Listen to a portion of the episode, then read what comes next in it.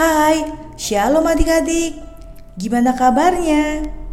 Kakak berharap adik-adik semua dalam keadaan yang baik dan sehat. Hari ini giliran Kak Flori yang kembali hadir menyapa adik-adik dalam program Renungan Harian Audio Cerdas Berpikir edisi spesial dalam rangka memperingati Hari Jumat Agung dan Paskah. Yang tema besarnya adalah Tuhan Yesus keren. Kakak berharap melalui edisi spesial ini kita semakin bangga dan bersyukur kepada Tuhan Yesus. Soalnya Tuhan Yesus kan keren banget. Nah, judul yang mau kakak bawakan hari ini adalah Sahabat yang Keren. Kayaknya kebanyakan di antara kita pasti punya sahabat atau teman dekat. Itu loh, teman yang lebih dari teman biasa. Di mana kita bisa saling cerita, saling berbagi, saling membantu, dan yang lainnya. Intinya, punya sahabat itu ternyata seru loh. Untuk itu, kita harus bijak dalam berteman karena mungkin di antara mereka ada yang bisa jadi sahabat yang baik buat kita. Dan kitanya juga harus menjadi sahabat yang baik ya. Tapi biasanya persahabatan itu jarang banget ada yang sampai di level mau mengorbankan nyawa untuk sahabatnya. Oh iya, soal sahabat, Tuhan Yesus pernah bilang gini dalam Yohanes 15 ayat 13. Tidak ada kasih yang lebih besar daripada kasih seorang yang memberikan nyawanya untuk sahabat-sahabatnya. Perkataan tersebut bisa dibilang merupakan perkataan yang penting banget. Bisa dibilang kayak pesan wasiat gitu. Itu karena perkataan tersebut disampaikan Tuhan Yesus di malam sebelum Dia disalibkan. Di malam itu, Tuhan Yesus membasuh kaki murid-muridnya Tuhan Yesus dan murid-muridnya melakukan perjamuan malam atau perjamuan terakhir. Lalu Tuhan Yesus berdoa di Taman Getsemani. Di taman itulah Tuhan Yesus ditangkap dan besoknya Tuhan Yesus disalibkan di Golgota.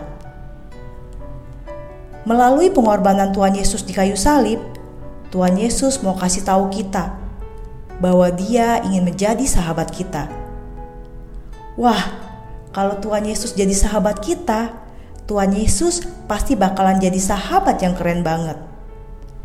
Kakak mau sebutin kerennya Tuhan Yesus nih. Tuhan Yesus adalah pencipta dan pemilik alam semesta. Tuhan Yesus itu maha tahu dan maha bijaksana. Dia ngerti kita banget deh.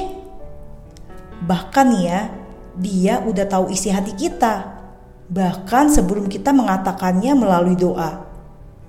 Makanya, kita tidak usah ragu lagi mau ngomong apa pas kita berdoa. Kita ngomong aja sama Tuhan, karena Dia mengenal kita dengan baik, alias tahu banget tentang kita. Terus nih ya, Tuhan Yesus itu menyediakan yang terbaik bagi hidup kita, loh. Dia kasih berkat untuk orang tua kita dalam mencari nafkah dan membiayai kita dalam banyak hal. Bahkan Tuhan Yesus menyediakan masa depan yang penuh harapan buat kita. Terus nih ya, kasih Tuhan Yesus itu sempurna. Tuhan Yesus adalah firman Allah yang menjelma menjadi manusia dan mati di kayu salib untuk menebus kita dari hukuman dosa.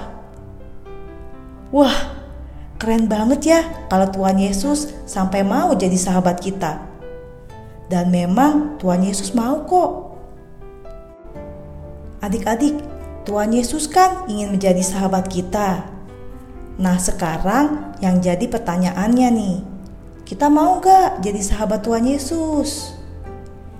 Bagi yang mau, Tuhan Yesus bilang gini dalam Yohanes 15 ayat 14.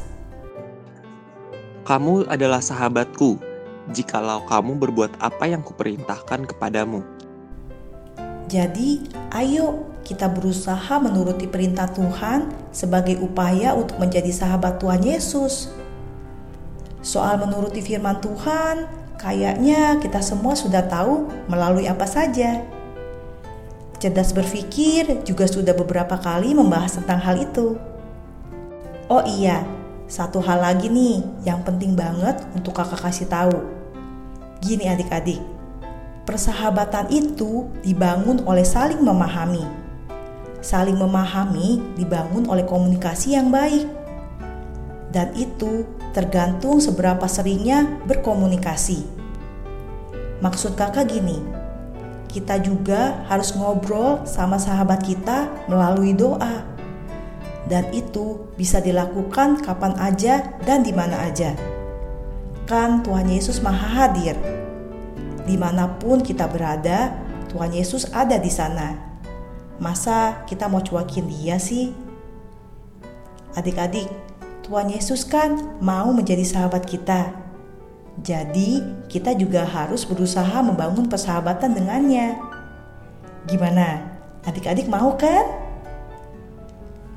Walaupun audio ini adalah rekaman, tapi kakak yakin ketika adik-adik mendengarnya, ini adalah saat yang tepat untuk menjadi lebih baik di hadapan Tuhan.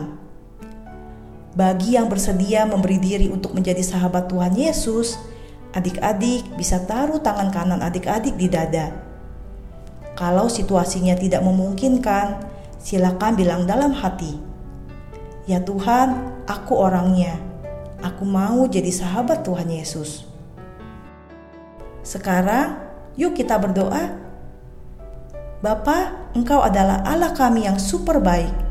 Engkau memberikan anakmu yang tunggal, supaya setiap orang yang percaya kepadamu tidak binasa, melainkan beroleh hidup yang kekal dan anakmu yang kau utus adalah Tuhan yang keren, sahabat kami yang keren.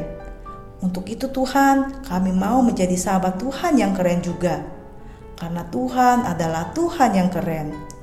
Untuk itu, kami mau berusaha untuk menuruti setiap perintahmu dan membangun komunikasi yang baik denganmu melalui doa.